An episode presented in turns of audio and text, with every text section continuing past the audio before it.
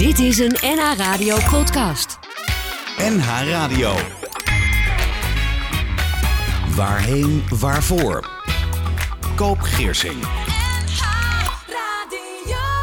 Luisteren is het allerbelangrijkste voor iemand die verdriet heeft. Op een goed moment. Geen goed bedoelde opmerkingen graag. Echte troost is dat je verdriet mag bestaan.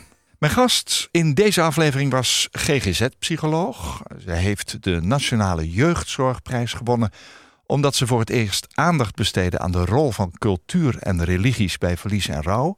Ze heeft boeken geschreven, Troost voor tranen, Kun je internetten in de hemel en ook over de ramp op het Terra College waar docent Hans van Wieren in januari 2004 werd vermoord.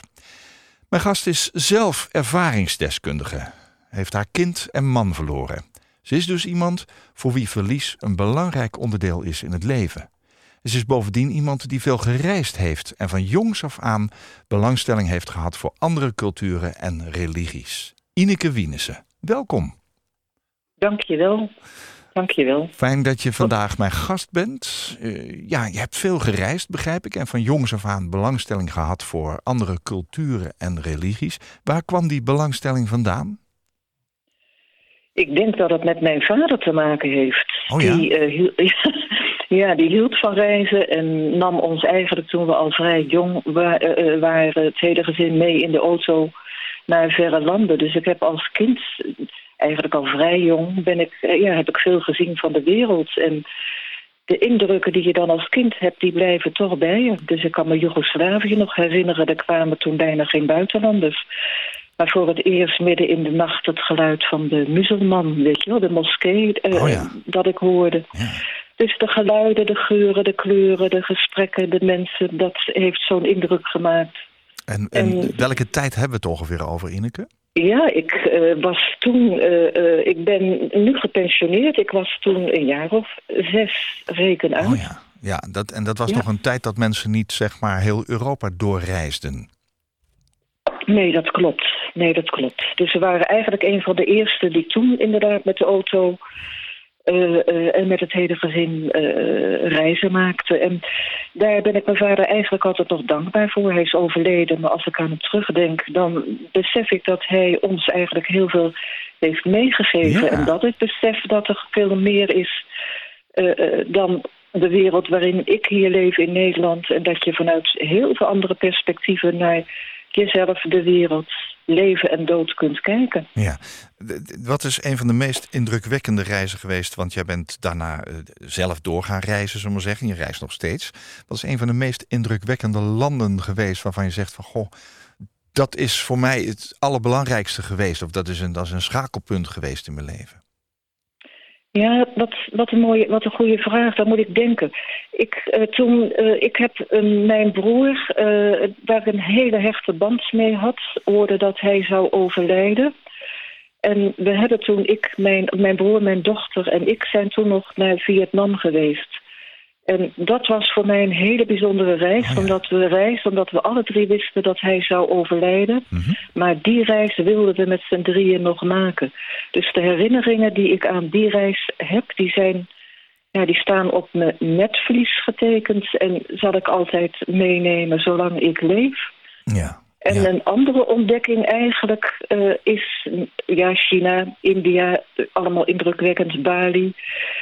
Maar eigenlijk heb ik sinds 2014 Suriname ontdekt. En dat was voor mij ook een hele nieuwe wereld die voor me openging, omdat daar zoveel religies en etniciteiten bij elkaar woonden. En bovendien kon ik daar met mijn Nederlands contact maken met mensen oh ja. en veel van hen horen en leren. Ja, dat, dat, ja, dat was dus, natuurlijk een, uh, belangrijk communicatiemiddel. Ja, uh, we gaan het daar nog over hebben, want jij hebt daar ook uh, zeg maar ja, ideeën op gedaan waar je nog steeds iets mee doet. Hè? Je bent weer een boek aan het schrijven bijvoorbeeld. En zoals ik al zei, je bent ervaringsdeskundige. Jouw broer is na die reis overleden. Uh, het thema leven en dood, ja, daar heb je veel mee te maken gehad. Je hebt zelf je kind en je man verloren. Wanneer was dat? Ja, ja. Uh, mijn zoontje toen hij uh, vier jaar was en twee jaar later mijn man. Waarom zijn ze overleden?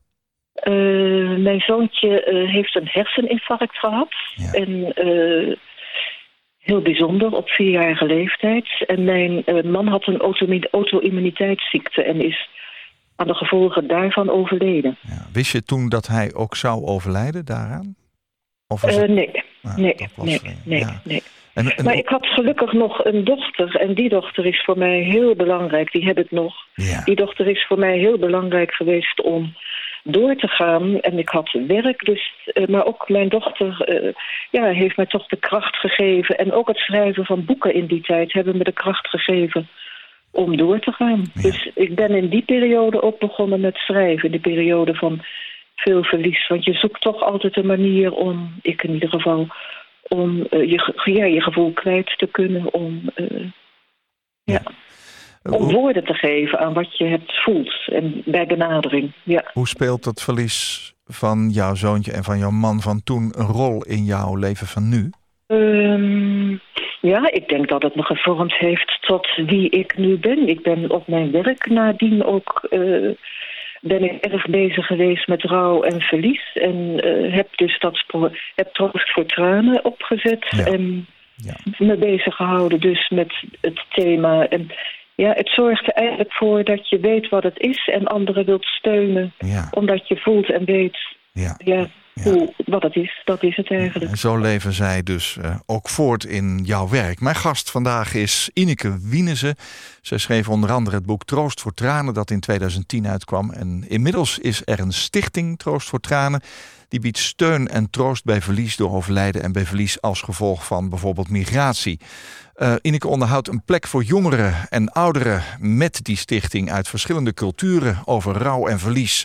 En daarnaast geeft ze voorlichting, workshops en ondersteuning op het gebied van rouw, verlies en diversiteit aan instellingen en organisaties, scholen, ouders en jongeren. Ik ga er met haar over praten in Waarheen, Waarvoor.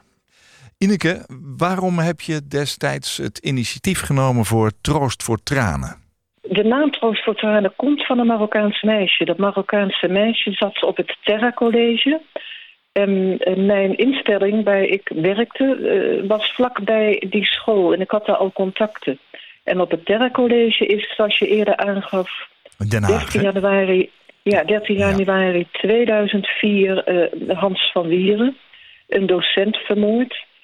En ik werd toen gevraagd omdat ik daar op school kwam om de leerlingen te ondersteunen en ook de eh, leerkrachten Als psycholoog En- destijds. Als psycholoog destijds. Ja, en eh, ik ben toen in contact gekomen met leerlingen, heb gesprekken gehad, want leerlingen reageerden natuurlijk toch op die gebeurtenis met, eh, ja, met angst, eh, wilden niet meer naar school. Nou, er was heel wat aan de hand, nachtmerries. Even, even in kort, hoe, hoe was het verhaal ook alweer? Waarom was die docent doodgeschoten? Eh, Er was een eh, eh, jongen die van school werd gestuurd door hem. En die is toen naar huis gegaan, heeft een geweer, pistool gepakt en heeft hem toen doodgeschoten. Dat Ja. was het Ja, eigenlijk de aanleiding. Ja. Ja. En toen kwam je dat Marokkaanse meisje tegen met een naam die heet Troost voor Tranen. Ja, ik heb op die school toen een rouw- en verliesgroep gegeven voor Oh ja. leerlingen. Er zat een Marokkaans meisje in. En eh, toen hebben we erover gepraat. Toen gaven ze aan dat ze zelf op sites weinig informatie konden vinden over cultuur en religie. En daar toch behoefte aan hadden. Toen kwamen we op het idee om met elkaar een website te maken. En hebben we een naam daarvoor bedacht. En toen kwam dat ene Marokkaanse meisje waar ik het over had... met de naam Troost voor Tranen. Oh ja. Oh, En dat is dus de naam geworden. Dat is al heel lang geleden hoor. Maar dat is de naam geworden voor de eh, eh, website die we hebben. Ja, troostvoortranen.nl. www.troostvoortranen.nl ja. Ja, ja. Ik ga nog even terug naar ehm, jouw werkzaamheden op dat Terra College in Den Haag. Eh, jij hebt daar, zeg je, een rouw- en verliesgroep ehm, gegeven, zou je kunnen zeggen. Wat trof je aan toen je daarmee begon? Hoe werd je ontvangen en, en hoe open stond iedereen voor je? Ja, eigenlijk is dat geweldig geweest. Ik heb daar zulke goede herinneringen aan. Ik heb eerst individuele gesprekken gehad met jongeren, omdat het makkelijk is hun verhaal te vertellen. Eerst als je ze alleen hebt. Ik heb hun verhaal toen opgeschreven. En in de groep, toen ze bij elkaar kwamen in de groep, hebben ze stap voor stap hun verhaal gedeeld met elkaar. En dat gaf herkenning en een band. En ehm, ja, weet je, ik heb contact met hem. Dat is belangrijk, omdat er een vertrouwensrelatie is. En ja, dat heeft met mij als mens te maken, denk ik. En het heeft ook ermee te maken dat ik op een gegeven moment... Uh, dat ik aansluit bij hun vragen en behoeften. Dus heel veel jongeren hadden vragen over religie. Dus ik heb een imam ook uitgenodigd op een bijeenkomst... die hun vragen over religie konden beantwoorden. Ik heb een moeder uitgenodigd. Dus ik heb geprobeerd zo dicht mogelijk bij hun belevingswereld te staan en te komen. En ik heb ze laten vertellen over dromen. Want als het moeilijk is je verhaal te vertellen... kun je altijd in dromen ook aangeven wat leeft en speelt. En dat is voor mij een eye-opener geweest. als mensen niet direct durven praten of jongeren over hun verlies... dat je dan vraagt naar dromen. Dan komen vaak de verhalen. Ja. Wat heb jij als mens uh, geleerd van die periode op dat Terra College met die jongeren? Uh, ja, ik denk eigenlijk, als mens heb ik geleerd dat ik in staat ben, nou dat wist ik al wel, om verbinding te maken met uh, anderen. En dat komt omdat verdriet, wat voor cultuur of religie je ook hebt, hetzelfde is. Ik Universeel. Weet, ja, ik weet waar ze doorheen gaan en ik begrijp dat. En daar kan je op inspelen. En dat geeft ook zonder al te veel woorden vaak al een band. Maar heeft het jou ook geholpen in die tijd? Met je ehm, eigen verdriet of je eigen gevoel? Ja, ik denk dat, ik denk dat het schrijven van boeken in die beginfase... dat dat me misschien meer heeft geholpen. Oh Omdat ik toen de rust had en dus om, om ook naar binnen gericht te zijn... en woorden te geven aan mijn eigen verdriet. Ja, ja. Dus ik weet niet of dat zozeer bij die rouw- en verliesgroepen aan de orde was. Dus ik veel meer gericht op de ander. Het schrijven van boeken was meer een proces naar binnen. Oh ja, ja, op die manier. Troost voor Tranen uh, heet het. Hè? Troostvoortranen.nl. Ja. Uh, op de website staat het onderhoudt een plek voor jongeren en ouderen uit verschillende culturen over rouw en verlies. Nou, je zei al even dat uit die rouw- en verliesgroepen wel bleek dat ze weinig konden vinden online over de problematiek waar ze zelf mee te maken kregen. Waarom is zo'n plek, zo'n zo'n website uh, nodig, vind jij? in die tijd, ik praat echt over twintig jaar geleden... want het is, uh, of 2009 is die website uh, de lucht ingegaan trouwens. Mm -hmm. die website is nodig omdat het heel belangrijk is... dat jongeren zich in verhalen van anderen herkennen... en dat ze elkaar ook kunnen steunen. We hebben in de beginfase van de website een forum gehad... waarin jongeren elkaar konden ondersteunen... En dat was belangrijk. Bij Nederlandse websites heb je dat ook. Maar Nederlandse jongeren kunnen vaak wel met ouders of met ouderen praten over een verlies. En bij de jongeren op de school die ik had, vaak Turkse en Marokkaanse jongeren, was dat lastig. Omdat het vaak jongeren waren uit traditionele Turkse en Marokkaanse gezinnen, waarin de hiërarchie belangrijk is en er vaak geluisterd werd. Weet je wel, kinderen moesten luisteren, maar er werd niet echt gepraat met elkaar. omdat de hiërarchie dat uh, Weet je wel, belemmerde eigenlijk. Ja, ik begrijp, dus jongeren waren eigenlijk heel eenzaam... omdat ze hun verhaal niet kwijt konden. Ik begrijp dat je um, daaruit ook kunt constateren... dat er klachten ontwikkeld werden. Depressiviteit, agressiviteit, schoolproblemen enzovoort. De, de, website 20 jaar later, hè, nu zeg maar, is er nog steeds... en ook net vernieuwd weer.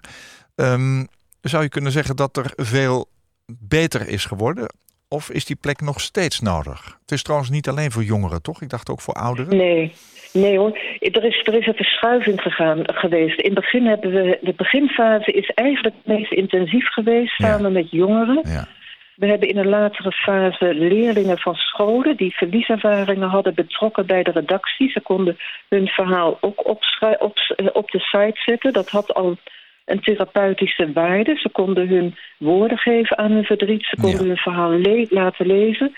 Eigenlijk werken we nu niet meer, of ik niet meer, met jongeren... omdat um, ja, het eigenlijk uh, heel tijdrovend en intensief is. Dus de, web, de website is nu eigenlijk zelf een soort archief geworden... met, ja, ik vind zelf prachtige filmpjes, verhalen, ook van jongeren. Ja. Dus degenen die daar meer over willen weten... kunnen op die website kijken... De Facebookpagina, daar zijn we mee begonnen. En die is eigenlijk voor, ja, voor iedereen, voor jongeren en ouderen. En eh, daar is een redactie nu van ouderen die, eh, ja, waarmee ik samen de, de pagina onderhoud. Dat is eigenlijk het verhaal nu. Ja, ja. We gaan zo dadelijk eh, verder praten over bijvoorbeeld de aandacht die in de hulpverlening en de begeleiding op dit moment is voor de invloed van cultuur en religie op bijvoorbeeld het thema leven en dood. Ehm, ik heb jou gevraagd om drie liedjes mee te nemen. Drie liedjes die ja, ik zeg er altijd maar bij, ze zouden op je eigen uitvaart gehoord moeten worden. En jij bent met drie heel verschillende liedjes gekomen. Um, zo dadelijk luisteren naar Ramses Shaffi met een liedje. Maar ik wilde eerst beginnen met uh, Nina Simone, want dat staat bovenaan jouw lijst. Ik weet niet of dat het eerste is of, of het hoogste in de rangorde die je zelf hebt aangebracht. Maar vooraf was het een lastig onderwerp om drie liedjes uit te zoeken? Of had je ze al in de kast staan? Nee, ik heb dat uh, niet. Uh, nee, ik, ik vond het lastig. Ja? Het, het, ja, het eerste toen ik dat hoorde, drie liedjes. Het eerste wat naar boven kwam is, nou, dat wordt, ik ga nog niet naar huis, nog langer niet. ja, die heb je er niet tussen gezet in ieder geval. Nee. maar ik dacht, dat kan ik niet maken. Dus wel hoor, had zo gedraaid, absoluut. Oh, ja, ja hoor, dat wel. Ja. Oké. En toen dacht ik, nou, dat uh, eerste liedje uh, van Nina Simone is dat, hè? Ja, Nina Simone. Ja, ja dat gaat toch over dat alles in het leven verandert en verdwijnt. Maar wat blijft is de natuur, zijn de vogels, de regen die uit de wolken komt. Dus dat vond ik wel mooi. Het tweede liedje vond ik mooi, Durf te leven van Ramses Sheffi. Omdat dat eigenlijk ook mijn leidraad is. Oh ja. Heel, ja, heel veel mensen laten zich door angst bepalen in het leven en doen de dingen niet uit angst. En dat is iets uh, wat ik voortdurend probeer te overwinnen. Dus ik reis ook in de binnenlanden van Suriname alleen en voel geen angst. Want, zoals uh, een Surinaamse uh, dominee tegen mij zei, God is met mij. Dus ik dacht, God is met mij, dus ik uh, ben niet alleen, dus ik durf alleen te reizen. Ja, je hoeft niet bang te zijn. Nou, dat derde liedje wat we straks gaan uh, draaien, dat uh, gaat eigenlijk een beetje over jouw reizen naar Suriname. Maar we gaan eerst even ja. luisteren naar Nina Simone, Everything Must Change. Everything must change.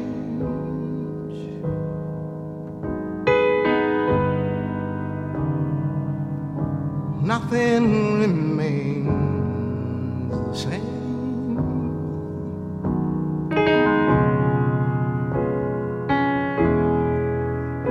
Everyone must change.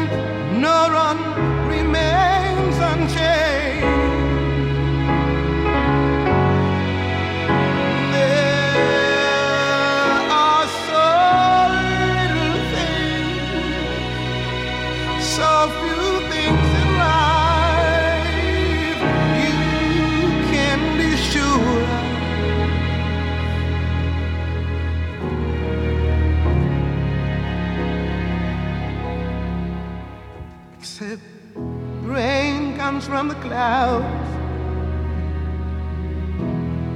sunlight from the sky, hummingbirds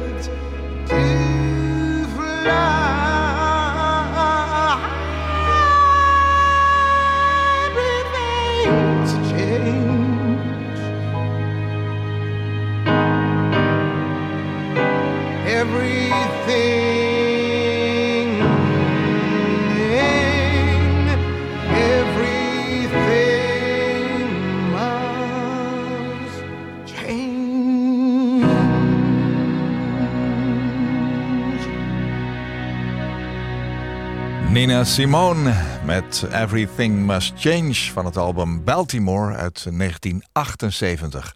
Gedoe is een goede samenvatting van de opnames van dit album. Nina Simone was het nergens mee eens. Niet met de productie, niet met de keuze voor de liedjes... en niet met de wijze waarop ze volgens haarzelf gedwongen werd... om deze nummers in te zingen. Het is opgenomen in België trouwens.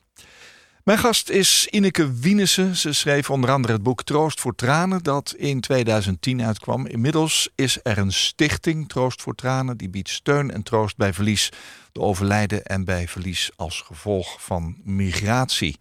Speelt muziek een belangrijke rol in jouw leven, Ineke? Eh, muziek eh, heeft een hele bijzondere rol in mijn leven gespeeld. Maar ik vind dat ik te weinig naar muziek luister. Dus eigenlijk sinds jouw vraag van zoek drie liedjes uit... dacht ik het wordt tijd dat ik weer eens muziek ga luisteren. Ja. ja. Is het, heb je het dan stil in huis? Regelmatig? Stil? Ja, als je geen muziek luistert, wat, wat, wat houdt je bezig? Ja, nee, ik, ik schrijf. Ik schrijf dus Oh ja. nog veel. En eh, eigenlijk, eh, ja, schrijven en lezen. Dat zijn de dingen waar ik... eh, en, en naar buiten gaan. En mensen zien. Ja. Voor zover dat nu kan. Ja. Nee, maar muziek eh, vind ik prachtig. Want het raakt de ziel. En... eh, dus het wordt tijd dat ik dat weer eens eh, meer- weer ga oppakken. Nou ja, die tijd eh, geef ik je graag hoor. Ja. als, je, als je dan dit liedje hoort en, en met de verbinding dat het misschien op jouw eigen uitvaart ooit gedraaid zou mogen worden. doet het jou dan ook denken aan de uitvaart van jouw man en misschien van jouw zoontje? Eh, nee, nee. Eigenlijk heb ik die associatie eh, eh, bij, niet meer. Nee. Nee, Nee. niet meer zeg je. Nee. Is- Nee. heb je- merk je dat in een periode van leven dat steeds verder naar de achtergrond gaat?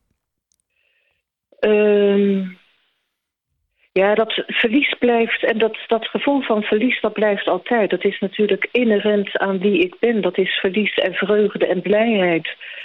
En ik ben niet meer zoals het begin elke dag met hen bezig. Nee. Maar eh, er zijn momenten dat, eh, ik, ja, dat het verlies in alle hevigheid weer terugkomt. Of dat ik bepaalde gebeurtenissen weer eh, sterk weer, weer voor me zie. Ja. En dan voel ik het verdriet en dan voel ik de heimwee weer. Want het is een heimwee Oh en ja. een verlangen dat je hebt naar degenen die er niet meer zijn. Maar ik weet dat dat heimwee en verlangen weer voorbij gaan. Dus het is eigenlijk zoals in dat liedje, alles komt en gaat en gaat weer voorbij. ja. Maar ik, ik geloof ook dat de ziel... eh, eh, ik geloof ook een mens bestaat uit lichaam, geest en ziel. Dus ik geloof dat de ziel het wezenlijke is van de mens... en dat de ziel die verbinding altijd blijft houden met degenen die er niet meer zijn. Ja. En degenen die er niet meer zijn, blijven voor mij de dragers in mijn leven. Dus ik blijf wel met hen in gesprek. Ik eh, vraag steun, ik praat met ze. Ik ga naar het kerkhof en praat eh, eh, met mijn zoontje. Dat deed ik in het begin elke dag. Voelde ik me een engelbewaarder die daar stond en niet meer weg wilde. Heb je dan En nu- contact? Heb je het idee dat dat een, een verbinding is ook? Ja, ja dan, voelen ze, dan zijn ze weer eh, heel dichtbij. Ja, zeker. ja. zeker. Maar dat, dat, dat wordt minder. Maar er zijn momenten dat ik daar behoefte aan heb. En dan ga ik daar weer naartoe. En degenen die niet begraven zijn... want in de loop der tijd, ik word wat ouder, komen er veel meer mensen bij. Die laten zich cremeren. Daarvan heb ik dan een foto en dan zet ik een vaccinelichtje bij. Dus heb ik wel mijn rituelen om ook weer hem dichtbij te voelen. Ja. Ja. ja. Kun je nog intens verdrietig zijn? Als je daaraan denkt? Eh, Ja, dat, is- dat is een hevig verdriet wat ik bij bepaalde gebeurtenissen eh, eh, kan voelen, zeker. Welke Maar dat gebeurtenissen bijvoorbeeld? Nou, van mijn eh, zoontje. Mijn zoontje overleed bijvoorbeeld toen hij was vier. Overleed Ja. toen mijn man er niet was. En ik moest hem bellen om te zeggen dat zijn kind was overleden. Oh, en ja. dat, ja, dat zijn momenten die, dan, eh, die ik nooit vergeet. Want dat is natuurlijk vreselijk om te vertellen. Ja. Ja. Om te vertellen, ja. Dus, dat zijn, eh, dus als ik daaraan denk... en aan de begrafenis van hem toen zijn ouders pech hadden met de auto. en Oh. wij daar... Ja, je, je wij schiet, daar je in schiet in de lach. Dat, dat vind ik ook wel weer mooi ja, eigenlijk. Ja, dat, ik vind het ook een film dan. En wij daar, ach, wij daar in die stoet stonden te wachten totdat zij aan, hijgend aangerend kwamen. Ja, dat zijn gebeurtenissen die je niet vergeet. Nee. Maar waar ik nu ook om kan lachen, want dingen gaan zo achtergaan. Ja, ja.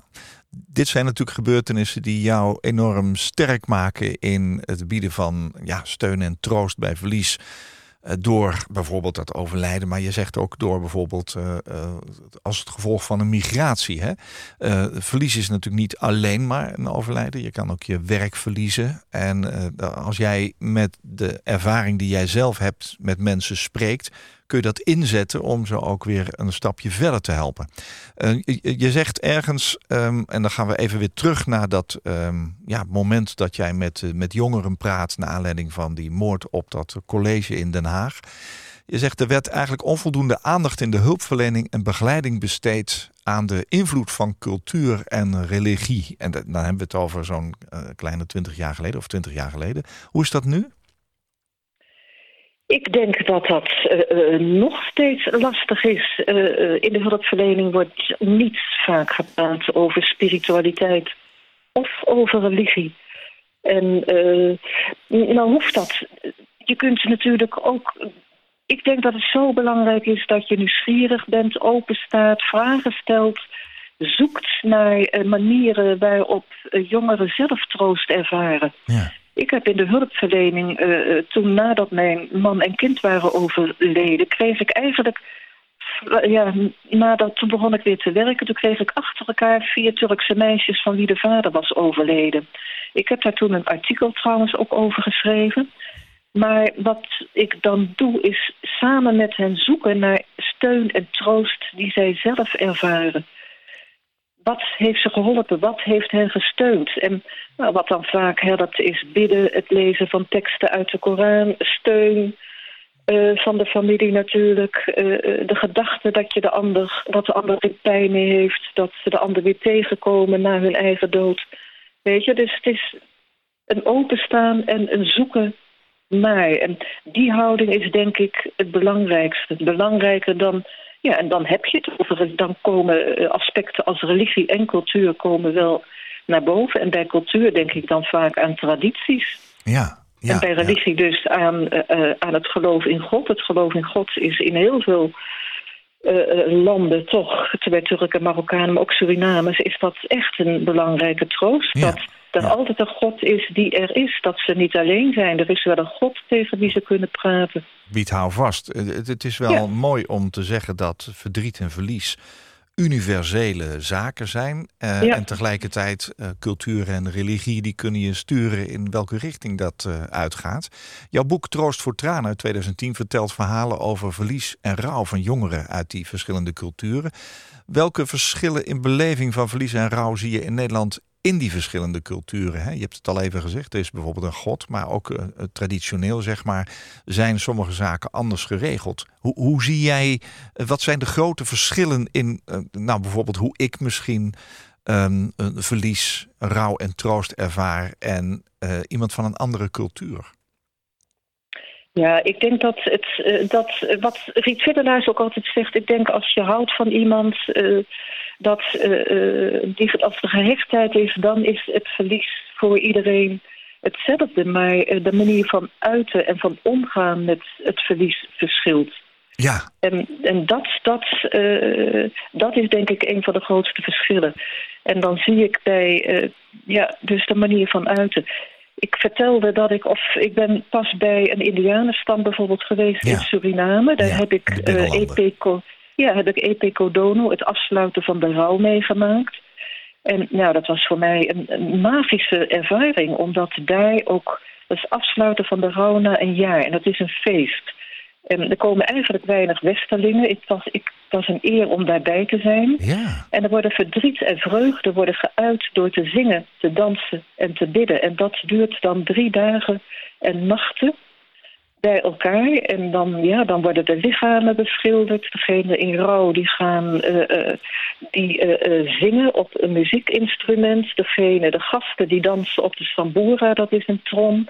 Dat is één, en het is dan s'avonds, vindt dat plaats. In de ochtend wordt de kleding, wordt de kleding verbrand van degene die is overleden. Oh ja. En dat is dan eigenlijk het definitieve afscheid hè, van de spirit na een jaar.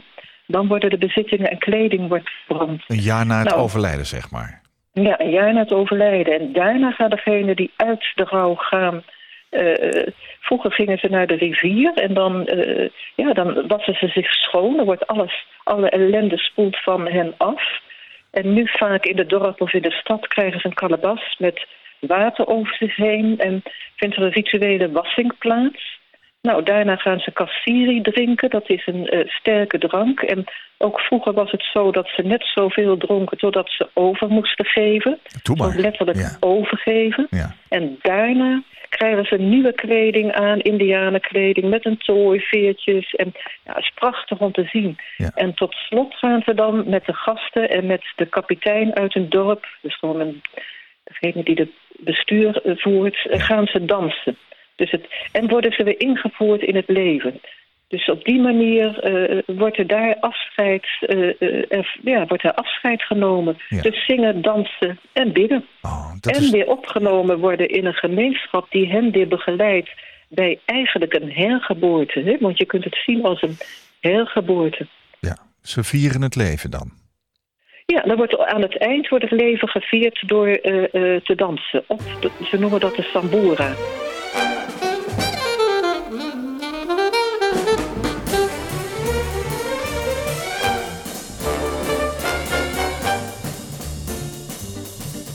Je leeft maar heel kort, maar een enkele keer. En als je straks anders wilt, kun je niet meer. Mens te leven. Vraag niet elke dag van je korte bestaan. Hoe hebben mijn pa en mijn grootpa gedaan? Hoe doet hem mijn neef en hoe doet hem mijn vriend? En wie weet hoe of dat nou mijn buurman weer vindt. En wat heeft het fatsoen voor geschreven? Mens.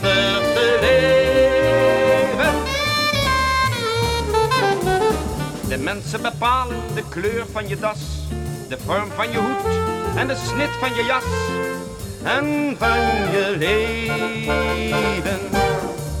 Ze wijzen de paadjes waar langs je mag gaan en roepen oh foei als je even blijft staan. Ze kiezen je toekomst en ze kiezen je werk. Ze zoeken een kroeg voor je uit en een kerk en wat je aan de armen moet geven. Mens is dat leven. De mensen, ze schrijven je leefregels voor. Ze geven je raad en ze roepen in koor. Zo moet je leven. Met die mag je omgaan, maar die is te min. Met die moet je trouwen, al heb je geen zin. En daar moet je wonen, dat eist je fatsoen. Je wordt genegeerd als je het anders zou doen. Alsof je iets ergs had misdreven. Mens is dat leven. Het leven is heerlijk, het leven is mooi. Maar vlieg uit in de lucht en kruip niet in een kooi. Mens durft te leven. Je kop in de hoogte, je neus in de wind. En lap aan je laars, hoe een ander vindt. Hou een hart vol van warmte en van liefde je borst. Maar wees op je vierkante meter een borst. Wat je zoekt kan geen ander je geven. Mens durft te leven. Mens durft te leven. Het komt al uit 1917 en werd destijds uitgevoerd door Jean-Louis Pissuis. Ramse Shaffi brengt zijn versie uit in 1969 op single. Is het een tekst uit jouw hart, Ineke? Ja, dat is een tekst uit mijn hart. Ja? Want ik denk dat het, het leven is kort. En Ja. Veel mensen verslapen hun leven. En juist door verliezen heb ik ontdekt hoe belangrijk het is te leven, te genieten van de kleine dingen, je zegeningen Ja, te tellen en, en, en ja, dat soort dingen. Je vertelde net een heel mooi verhaal over eh, het moment dat jij bij, ja, ergens in de binnenlanden van Suriname bij een Indianenstam was. Waar je de Epicodono hebt meegemaakt. Het afsluiten van de rouw na een jaar bij een bepaalde stam. En dan wordt er definitief afscheid genomen van de overledene. Ik ken wel de 40 dagen eh, periode. Dat heb je nog wel eens bij Indische mensen. Die na 40 dagen na het eh, overlijden in ieder geval bij elkaar komen. En eten en praten ook over de overledene. Ze hebben vaak een stoel ook vrijgelaten waar eten staat. En ja, wordt dan uitgenodigd. Dat is ook eigenlijk heel, heel prettig. Wij zijn als Nederlanders natuurlijk eh, toch wat meer ingetogen in onze uitingen van rouw. Hè. We kunnen nog wel eens eh, wegkijken of stil zijn. Ehm, dansen en, en, en zingen en dat soort feestelijke kantjes van toch wat rouw is. Wat wij vaak toch associëren met verdriet en met, met stilte. Dat is toch iets wat jij wel in jouw reizen allemaal hebt aangetroffen. Hè? Eh, je hebt me verteld dat je bent blijven reizen dus. ook nadat jouw Ja. vader jou vroeger meenam. Je hebt het altijd als een verrijking gezien. In Bali heb je bijvoorbeeld crematies bijgewoond. In Vietnam Ja, liep je ja. mee achter een begrafenisstoet van een boeddhist, eh, boeddhistische monnik. Ehm, Ja. En je was gedreven door de manier waarop anderen met hun doden omgingen. Zij hen vergezelden op hun laatste reis. Wat, wat doet dat nou met jouzelf? Wat hebben die ervaringen jou persoonlijk geleerd? Ehm, ja, wat er met mij is gebeurd, dat is dat ehm, wat gebeurt bij verlies, is dat je als je eerst mijn kind, mijn zoon, wat er gebeurde was dat ik bij verlies trek je je terug. Ik eh, heb denk ik jaren in de mist gelopen. Of je kunt het ook vergelijken met in je hol kruipen. Als een konijn of als een dier kruip je terug in je hol. En eh, het is een, ehm, de wereld gaat door eigenlijk en jij staat stil. En heel geleidelijk aan kruip je weer uit dat hol, kijk je naar buiten en neem je weer deel aan het leven. Is dit ook En- een universeel gedrag, zou je kunnen zeggen, in de ervaring? Ja, ik, dat, dat, voor, dat denk ik wel. Ik, dat hoor ik meer. Het is, ehm, de wereld staat stil. Eh, oh nee, de wereld gaat door en jij staat stil. Ja, Die ja. ervaring. Ik denk dat dat een universele ervaring is. En ik vergelijk het altijd met lopen in de mist. Ik ben vrij snel weer gaan werken, heb dingen opgepakt, ben gaan schrijven.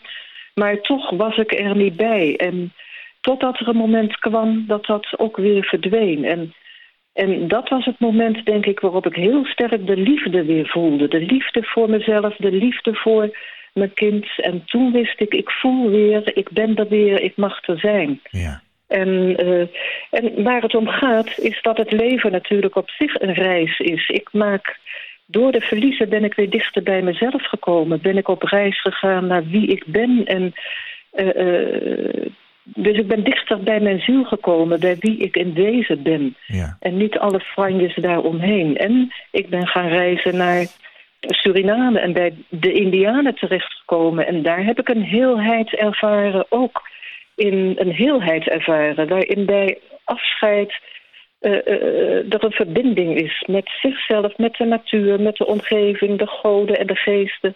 En die heelheid heb ik zelf als kind ervaren. En die verlies je naarmate het leven verder gaat. Ja. En Jij- die, heel, die heelheid komt weer terug. ja. Ook dat heb ik gemerkt. Dus dat heeft, dat, heb, dat heeft verlies en reizen die ik heb gemaakt naar binnen en naar buiten. Dat heeft het me gebracht. Dus dichter bij mezelf en in heelheid gekomen. Ja, die heelheid is mooi dat je dat zegt. Vind ik ook een mooi woord. Ik, ik eh, moet eerlijk zeggen dat volgens mij voor het eerst is dat ik het woord heelheid hoor. Maar ik snap precies wat je bedoelt.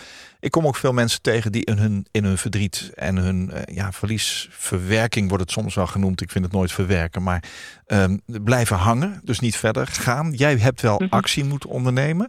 Eh, je hebt me ook verteld eh, dat wat je hebt geleerd is dat er naast verschillen in het omgaan met rouw zoveel overeenkomsten zijn. Hè? Dus eh, je kunt op allerlei manieren daarin staan. Maar uiteindelijk zijn we natuurlijk allemaal mens, zeg je. Zijn we Precies. wij mensen, verbonden met elkaar. En overstijgt de verbondenheid met elkaar de culturele en religieuze verschillen. En die kunnen Ja. steunen en troosten en aansluiten bij de belevingswereld van iemand. Maar wat dieper gaat is de herkenning en het weten waar iemand doorheen gaat als een dierbare overlijdt. Nou, die herkenning, daar heb je zelf natuurlijk eh, toch wel veel ervaring in opgedaan. Ook door het verlies van jouw dierbaren. Jij weet als geen ander hoe dat voelt. Wat doet eigenlijk in het algemeen het ervaren van verlies met een mens? Bij jou heeft het ertoe, ehm, ja, eigenlijk, jij bent eigenlijk wat dichter bij jezelf gekomen. Maar geldt dat voor iedereen? Ik, ik weet het niet. Ik denk het niet. Ik denk dat, dat het twee kanten op gaat. Je kunt door eh, verlies jezelf verliezen. Ja. Dus niet in beweging komen en daarin blijven steken. Ja. Dat gebeurt bijvoorbeeld bij veel inheemse. In Noord-Amerika is Mhm. dat gebeurd. Hè? Die van hun land zijn verdreven, veel verloren hebben, reservaten moesten leven. Waarbij de verbinding met de natuur en een leefwereld verdwenen is. En heel veel aan de drank zijn gegaan om hun verdriet te verdrinken. Ja. Dus dat is een kant. Niet iedereen natuurlijk, maar dat is een kant. En de andere kant is dat je uit dat eh, verdriet komt. En dat verdriet leidt dan eigenlijk weer, vind ik, en de pijn die je ervaart, tot weer groei en transformatie. En ja, ja. tot verandering. Jouw reizen, met name naar Suriname, die zijn nogal van invloed op hoe jij denkt en hoe jij kijkt naar dingen. Ik, ik heb gemerkt in wat jij mij geschreven hebt en gestuurd hebt, dat je daar toch heel erg van onder de indruk ook bent. Jouw derde liedje in de reeks na Nina Simone en Ramses Shaffi is er eentje van de Carinha Brothers. En die komen Ja. uit eh, Suriname, uit het district eh, Saramacca. En jij zei, ja, ik wil graag een liedje laten horen wat zij zingen. Want waarom is dat belangrijk voor je? De- waarom ik dat wil, is omdat ik in Apura een, eh, omdat ik een verhaal heb geschreven over Cristiano. Dat is een jongetje van vier jaar die Ja.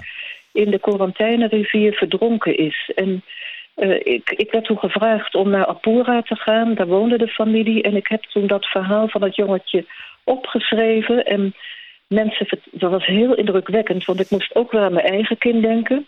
Heel veel mensen vertelden toen over Watramanna. Over Oh de eh, godin van het water. Ja. En dus vandaar dit lied. De Carinha Brothers.